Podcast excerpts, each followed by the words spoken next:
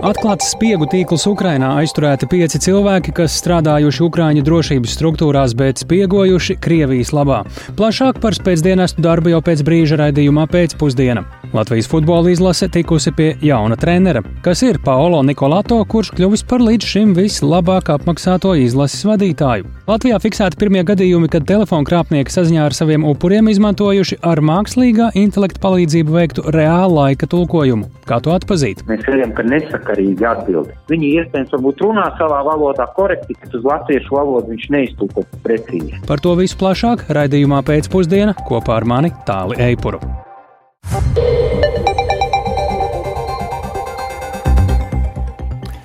Pūkstens ir 16,5 minūtes, skan pēcpusdienas ziņu programma skaidrojot šodienas svarīgus notikumus. Studijā tālāk Eipors. Labdien!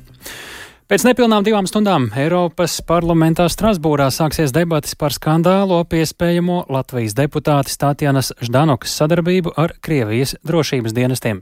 Eiropas parlamenta priekšsērētāja Roberta Metsola par to jau ir sākusi iekšējo izmeklēšanu, un viņa arī atzīst, ka politiķu vidū valda satraukums, ka Krievija varētu mēģināt iejaukties Eiropas demokrātiskajās norisēs arī caur citiem politiķiem. Strasbūrā pašlaik klātienē ir arī mūsu korespondents Arķems Konohaus, ar viņu esam sazinājušies tieši radi Arķem. Vai debatas ir tikai par Ždanokas gadījumu, vai, kā jau dzirdējām, Metsolas kundze ieskicējumi arī par plašāku kontekstu?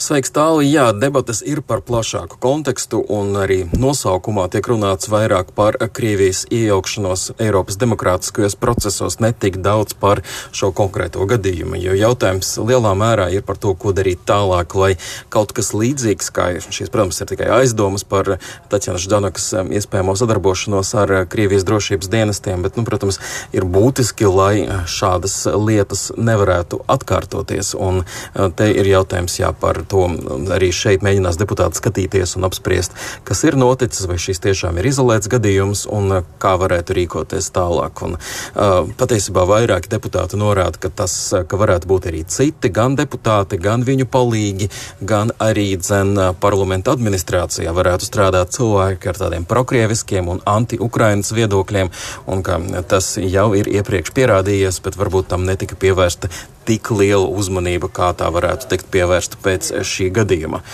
Tā kā tas šobrīd ir tas lielākais fokus šim debatēm. Arķem, ko tad īsti parlaments šādā situācijā var darīt? Diskutē un tālāk? Ja rīcība parlamentam ir salīdzinoši ierobežota šādās situācijās, ja runājam par konkrētiem deputātiem un viņu konkrētiem pārkāpumiem, tad darīt parlaments var diezgan maz, jo tā nav izmeklējošā iestāde, un arī svarīgi ir atcerēties, ka deputātiem mandātu piešķir viņu vēlētāji, un tikai vēlētāji arī, protams, var beigās, un tiesības sargājušās iestādes var kaut ko darīt. Parlaments nav nepieņem deputātus darbā, un, protams, par pārkāpumiem ir paredzētas sekas, var noņemt eh, dienas naudu uz kādu laiku, var eh, eh, citus, cita veida, teiksim, kādu publisku nosodījumu izteikt plenārsēdē, bet būtībā tie arī ir tie smagākie gadījumi. Un tāpēc šobrīd ir svarīgi redzēt, kā varētu mainīties, kā, ko varbūt ir vērts mainīt noteikumos, lai būtu iespējas vērsties pret deputātiem bargāk vai arī vismaz rīkoties ātrāk. Un es vaicāju arī Eiropas Tautas partijas grupas deputātei Sandrai Kalnietei no jaunās vienotības, kā viņas saredz, kas viņas prāt būtu jādara šajā situācijā. Paklausīsimies!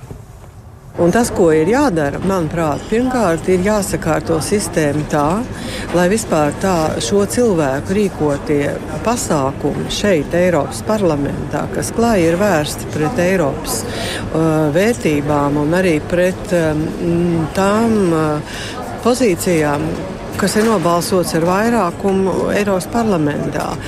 Uh, lai nevarētu tikt uzaicināti Donetskas un Luhanskas uh, pārstāvji, un tas viss notiek uz urā zem sarkaniem karogiem un daudz citi, citi pasākumi, kad viņi slepjoties aiz kaut kādiem demokrātiskiem saukļiem, antisemītisms, cilvēktiesības un tā tālāk, uh, tas notiek.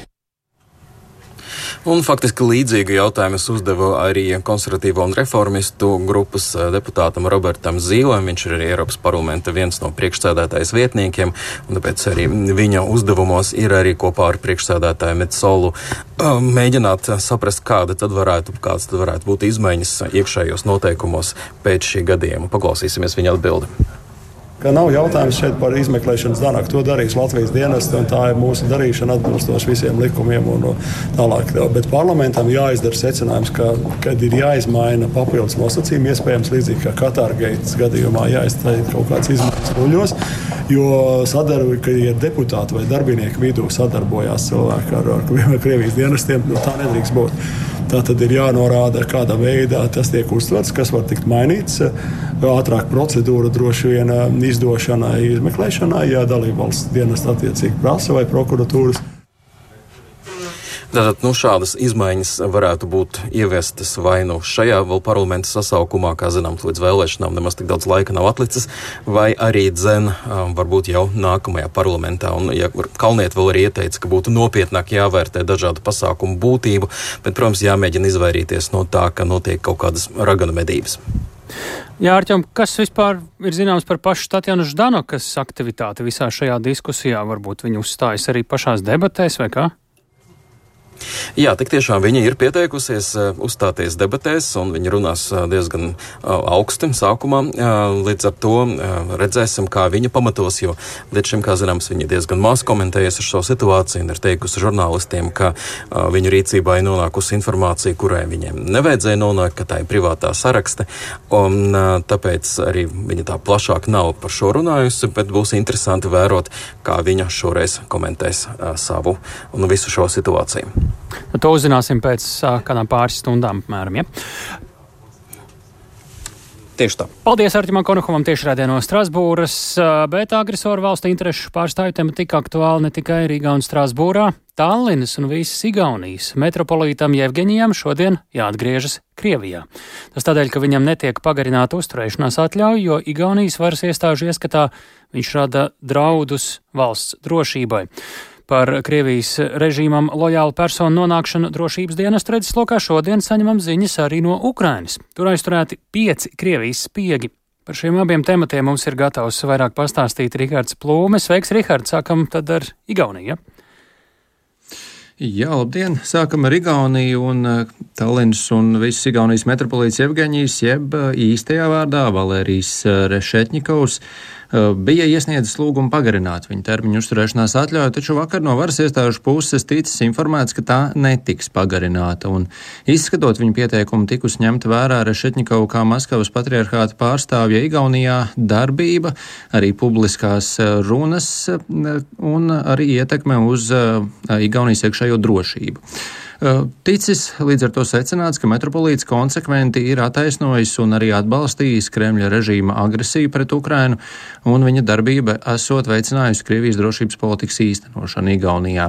Un ņemot vērā to, ka atļauja beidzas šodien, metropolītam dota diena laika, lai valsti pamestu, tiek vēstīts, ka viņš pamatīs valsti šodien.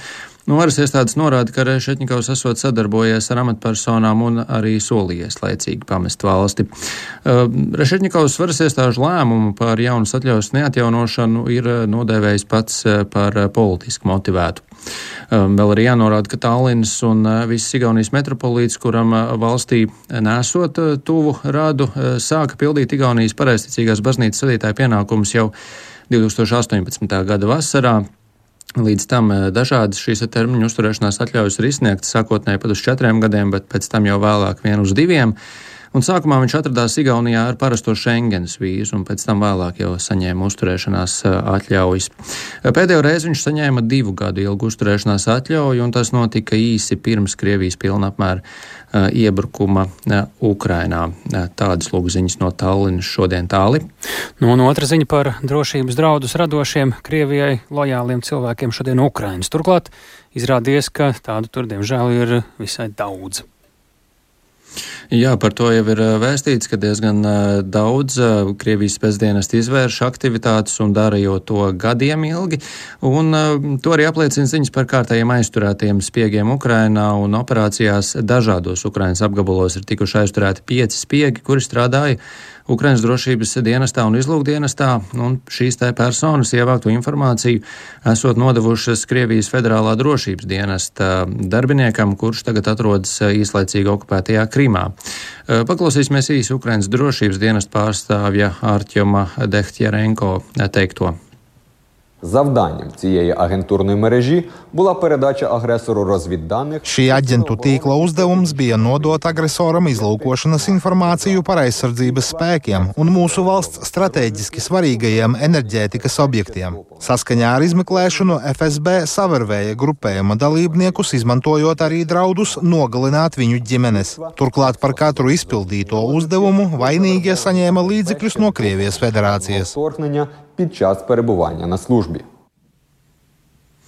Ja nu tiek minēts, ka spiegi nopludinājuši Maskavai slepenus datus par Rīvnes un Hmeļņīckas atomelektrostaciju un arī, piemēram, par Harkivas un Odesas pilsētu aizsardzību. Un pēc Ukrainas drošības dienas teiktā ir neutralizēts spēcīgs Krievijas federālās drošības dienas izlūkošanas tīkls, kurā ietilpa gan bijušās, gan arī esošās Ukrainas izlūkdienas amatpersonas, kas vēl jāpiemina, ka ir savarvētas vēl pirms pilna apmēra iebrukuma Ukrainā. Tātad diezgan ilgi tām ir sanācis un izdevies slēpti darboties Ukrainā, un jādomā, ka diemžēl tādu personu vēl varētu būt diezgan daudz. Tāli.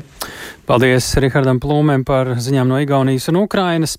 Atgriežamies Latvijā pie saimnieciski ekonomiskām, bet ļoti svarīgām lietām. Vai kreditēšanas problēmas mazajiem un vidējiem uzņēmumiem var risināt finanšu institūciju altumu, pārveidojot par Nacionālo attīstības banku? Šobrīd saimā tādai idejai ir gana plašs atbalsts, ņemot vērā mērķi vairot konkurenci ar Latvijā dominējošajām ārvalstu kapitāla kredītiestādēm. Tomēr reālu lēmumu par attīstības bankas izveidu deputāti vēl negatavo, jo pirms tam viņi vēlas vēl uzklausīt gan auditorus, gan nozares pārstāvis. Vairāk klausāmies Jāņa Kīņša ierakstā. Finanšu tirgus trūkumi, kreditēšanas problēma un ar tām saistītā Latvijas uzņēmuma bremzētā attīstība. Šo problēmu risināšanai parlamentā jau pērn sāka apspriest ideju par Nacionālo attīstības banku. Latvijā kādreiz tāda bija hipoteka un zemes banka, taču neizturēja kreditēšanas burbuli un neilgi pēc lielās finanšu krīzes daļu no šīs bankas pārveidoja par attīstības finanšu institūciju Altumu. Pērn radās ideja Altumu atkal pārveidot par attīstības banku. Finanšu ministrija tam pamatojumu redz datos. Astoņu gadu laikā Latvijas uzņēmumu pašu kapitāls ir pieaudzis par 60%, bet saistības, tā skaitā aizņēmumi, samazinās. Lietuvā un Igaunijā šie rādītāji ir būtiski augstāki.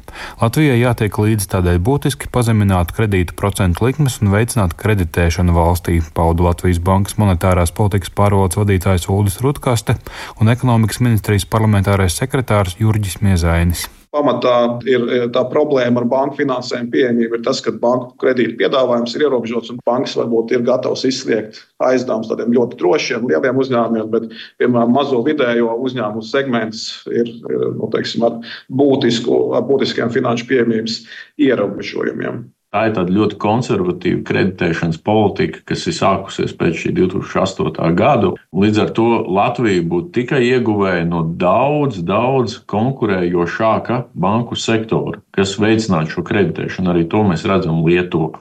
Altuma uzdevums ir attīstīt dažādas atbalsta, aizdevumu un garantiju programmas uzņēmējdarbības atbalstam.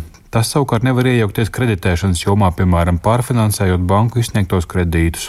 Altuma tvērumu paplašināt ar kredītiestādes funkcijām, kā viena no iespējamiem risinājumiem redz Finanšu ministrija.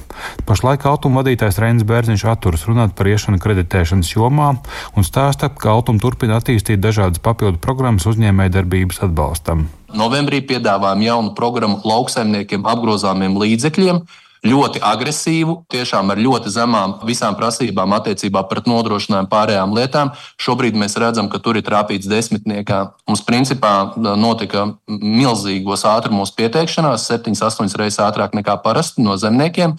Šobrīd jau ir iesniegts ap 40 miljonu pieteikumu, un tas ir daudz, jo vidējā summa ir ap 100 tūkstoši. Tātad tas nav daži lielie, jā, tātad tur ir ļoti daudz. Pret Nacionālās attīstības bankas izveidi iebilst arī mazāko privāto komercbanku pārstāvis - Signeta bankas vadītājs Roberts Idelsons. Aizstāvot šo nozari, viņš uzskata, ka atbilstoši Lietuvas šauļu bankas piemēram arī Latvijā būtu jāļauj audzēt muskuļus mazajām vietējām komercbankām. Ja mēs skatāmies uz kaimiņu valstīm, kāpēc viņu konkurence varbūt ir lielāka? Ja? Nevis tāpēc, ka viņiem bankas ir vairāk, bet tāpēc, ka viņiem ir spēcīgas vietējas bankas. Mums jādara darbs pašiem šeit. Mēs darām savu darbu, kā privātais sektors. Mēs ļoti sagaidītu, ka arī valsts mums kaut kādos veidos palīdzētu. Jo līdz šim nu, pagaidām tie pieņemtie lēmumi, viņi nekāda veida konkurenci neveicina. Vietējā kapitāla banku attīstību arī neveicina. Auditoru kompānijas Ernsta Young ziņojums pēc uzņēmēju un banku aptaujāšanas liecinot, ka kreditēšanas problēma Latvijā ir nedaudz pārspīlēta. Tā savukārt norādīja Latvijas Finanšu nozares asociācijas valdes loceklis Jānis Brazovskis. Banku dati apliecinot, ka arī reģionos ar labiem projektiem problēmu nebūs jo mēs tur pārāk ātri konstatējam, nu mums tur ir tirgus nepilnība. Un tāpēc uh, iesim tur ar, ar, ar valsts fondiem, kas nevienmēr uh, atbilst patiesībai. Diskusija par Nacionālās attīstības bankas izveidi nav sasteidzama un turpinām ar pētījumu datu analīzi. Tam pēc viedokļu uzklausīšanas piekrita arī Saimnes budžeta komisijas vadītāja vietnieks Andris Šuvājevs no progresīvajiem arī vienkārši šodienas diskusiju klausoties, ir, ir skaidrs, ka mēs šeit runājam par tirgus nepilnībām, mēs viņus fiksējam Tie pašā laikā jūtu, ka tie soļi par to, kā to risināt, joprojām ir, ir diezgan strīdīgi. Jānis Kincis, Latvijas Radio.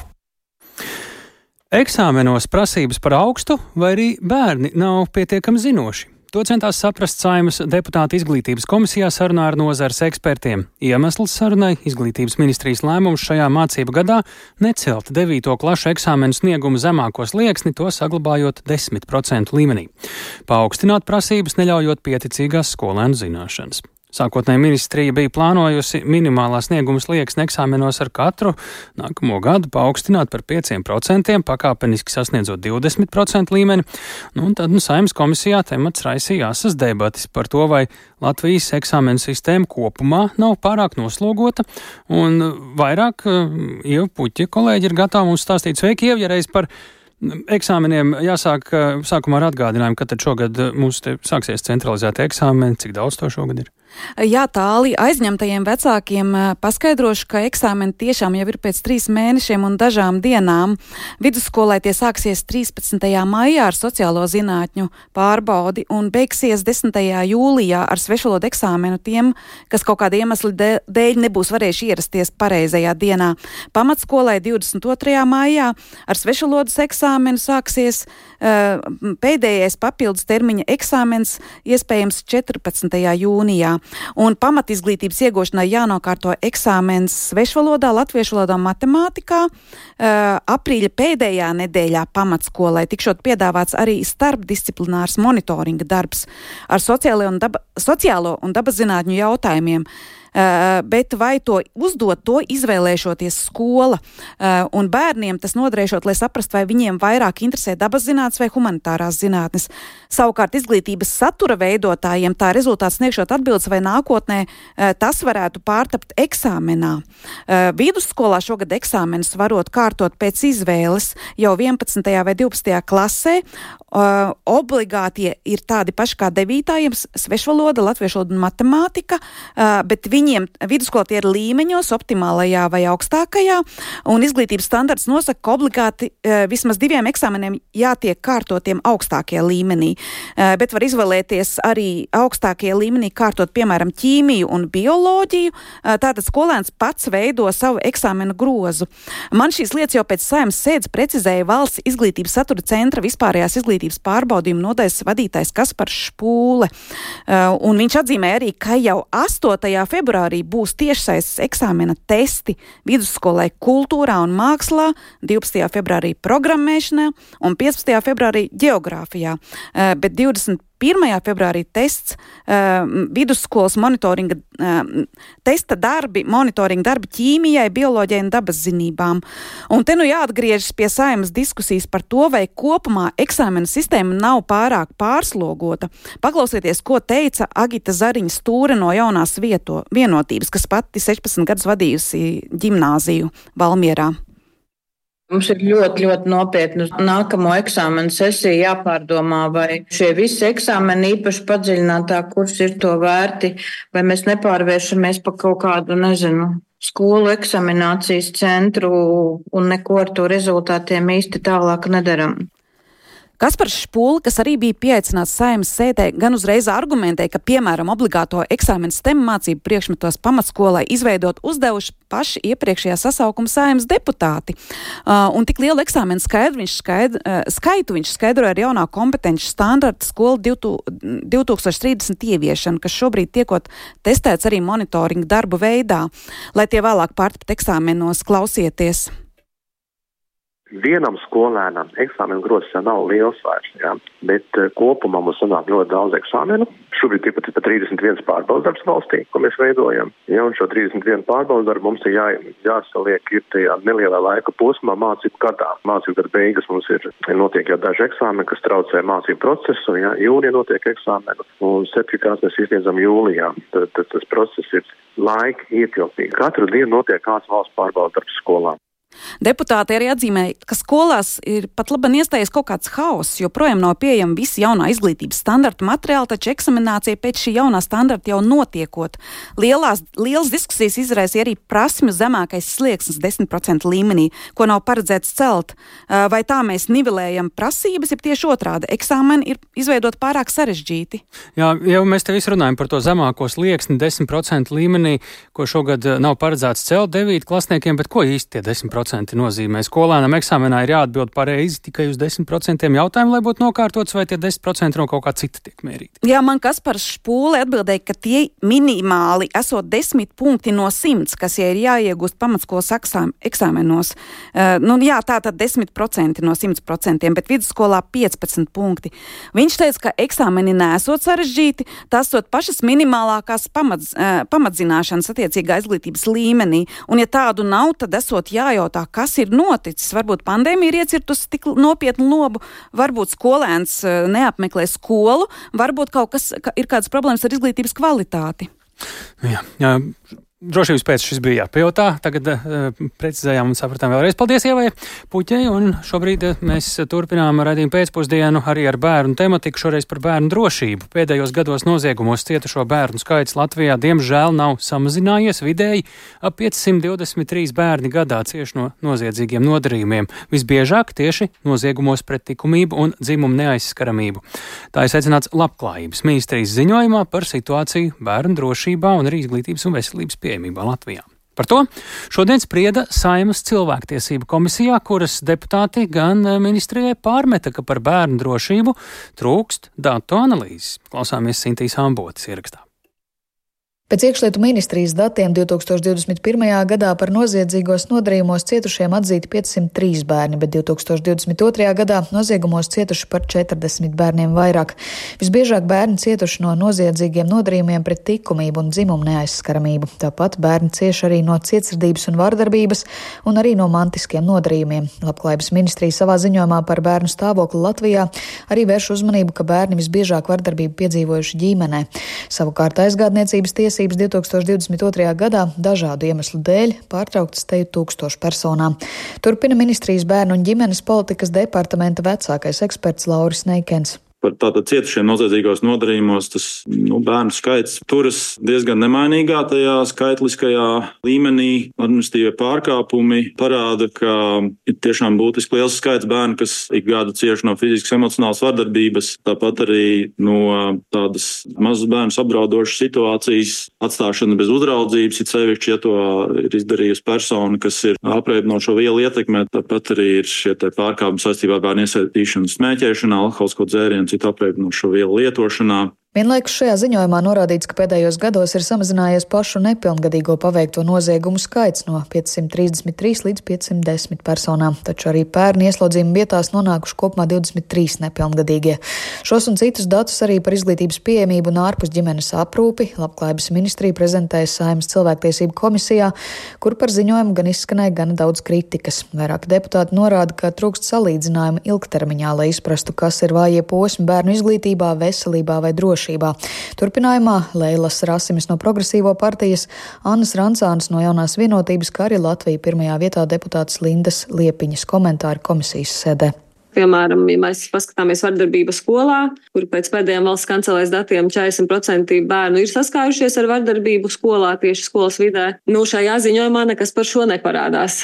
Un tāpat arī, piemēram, par bērnu nabadzību. Kāda ir situācija, kādas ir izmaiņas šajās lietās, kas tur ir darīts? Jā. Man arī ir jāpiekrīt Rasimas kundzei, ka ļoti daudz kas šajā ziņojumā neparādās, man ir vispār daudz jautājumu. Piemēram, bija ziņojumā teikts, ka iestāžu un pašvaldību budžeti nu, to budžeta pieņemšanas procesā ir jāveic vērtējums, kā šie budžeti atbilst bērnu interesēm. Kas šo vērtējumu veids un vai tas nu, kaut kur ir kāds novērtējums? Šis ziņojums ir savs ar kaut kādiem datiem, tas ir kaut kāds statistikas apkopams, un piedodiet, ka es tā ļoti kritiski gribēju vairāk saprast to bērnu profilu. Jā. Vairāk saprast, kāds tad ir tas bērnu stāvoklis valstī. Labs, slikts, labāks, sliktāks, kāda ir tendence. Arī nodibinājuma centrs Dārdedze pārstāve Anda Avene vērsa uzmanību, ka dažādu institūciju dati ar vien bieži nav savietojami, lai analizētu kādas tendences saistībā ar bērnu labklājību ilgtermiņa tendences mēs no tā nevaram e, izcicināt. Un um, vienkārši vērš komisijas uzmanības to, ka šobrīd katra sistēma dzīvo savu dzīvi.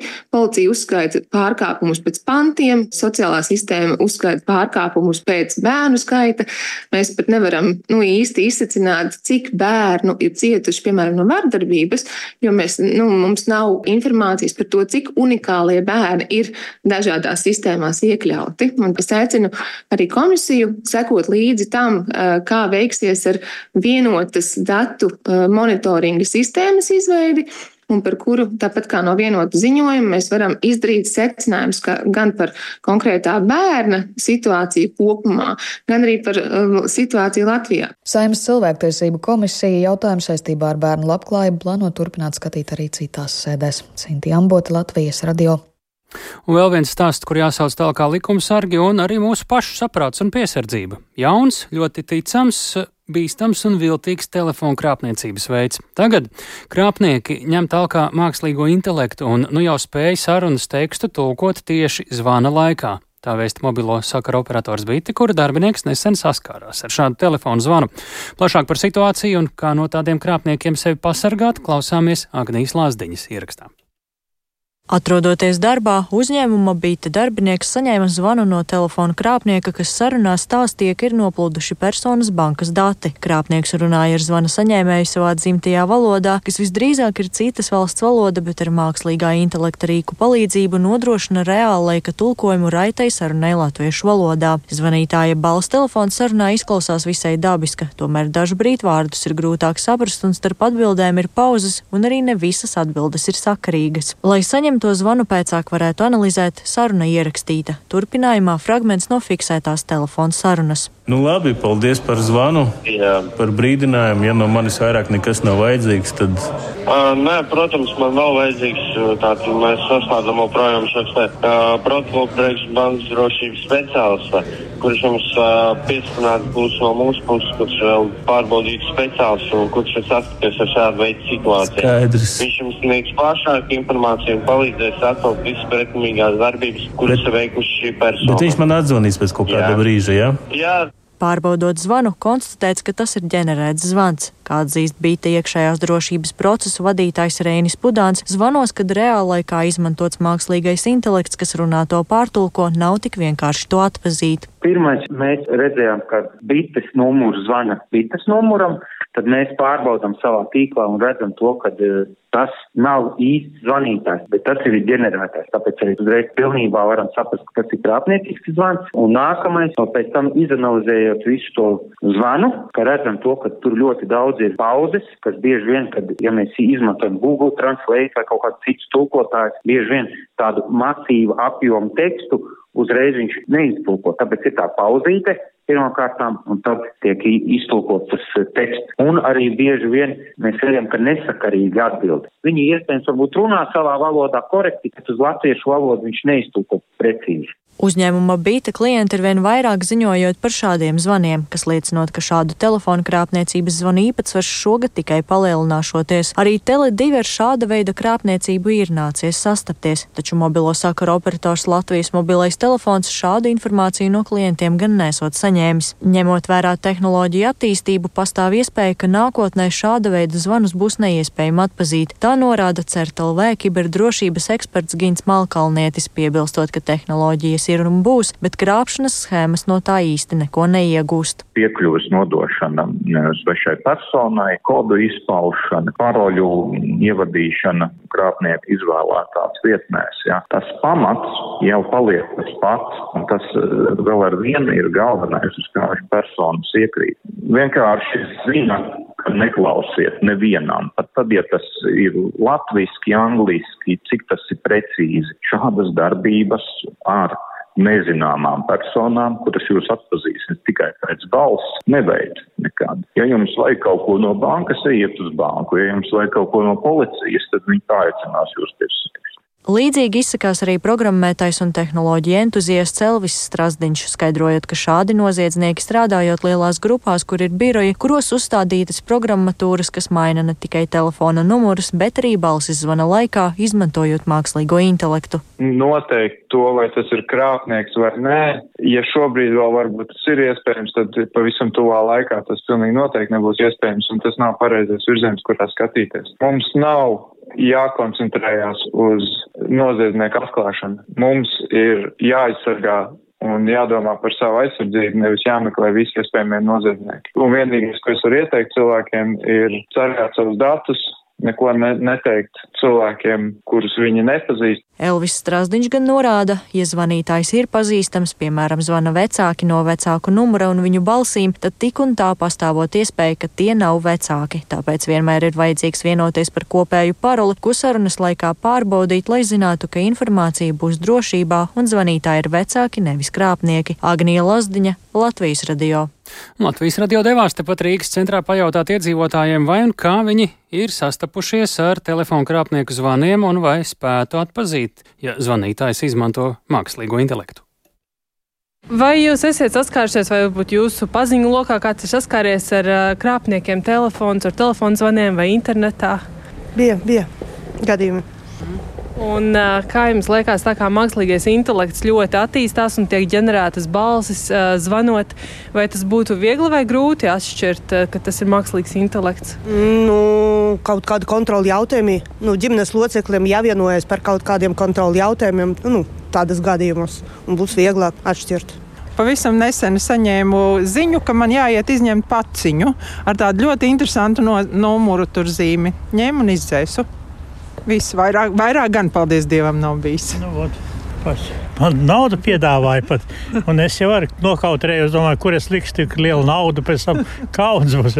Kaimiņa nesapratīs. Dēls man ļoti uzmanīgi, kā kaut kas, tā viņš man zvana mammu, atceries. Ziniet, kā pensionāri kādreiz var būt neuzmanīgi. Dēls rūpējās par mani.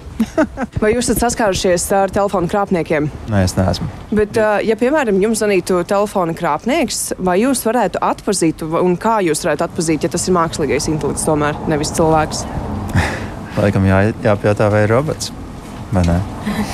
Bet uh, citādi jūs sākat uzdot jocīgu jautājumu. Ja, ja prasa pārāk daudz informācijas, ko pa telefonu nevajag sniegt, tad, uh, tad uh, un ja tas ir nepazīstams numurs, Mm-hmm. Это звон на ārvalstīm.